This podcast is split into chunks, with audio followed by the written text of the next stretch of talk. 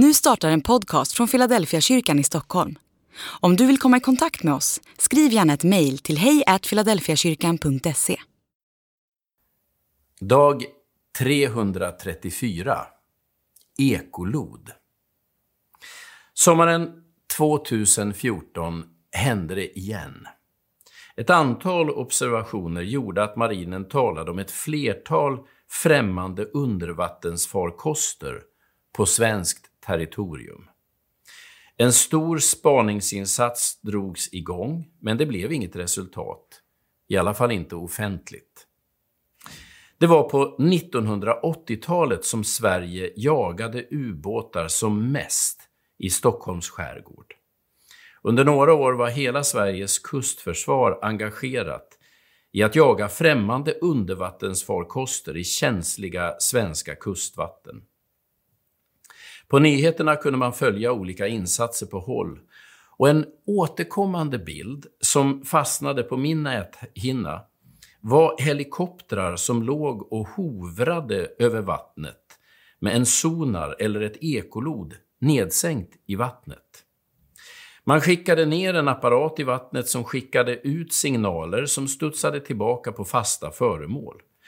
Genom signalerna fick man en bild av hur bottnen såg ut och om det fanns föremål i rörelse i vattnet. Det var dessa signaler och tolkningen av dem som sedan aktiverade stora militära insatser. Jag tror att vi människor fungerar som en sorts ekolod.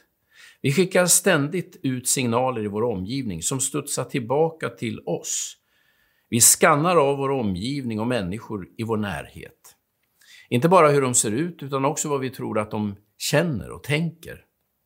Genom de här signalerna ritas liksom en karta upp i vårt inre som talar om för oss hur omvärlden ser ut, om vi är på säkert vatten, eller om det finns faror som lurar, eller om det kanske finns vinster att göra. Men det är inte bara den synliga verkligheten vi söker av. Vi människor har en inbyggd förmåga att, att också känna av en andlig verklighet.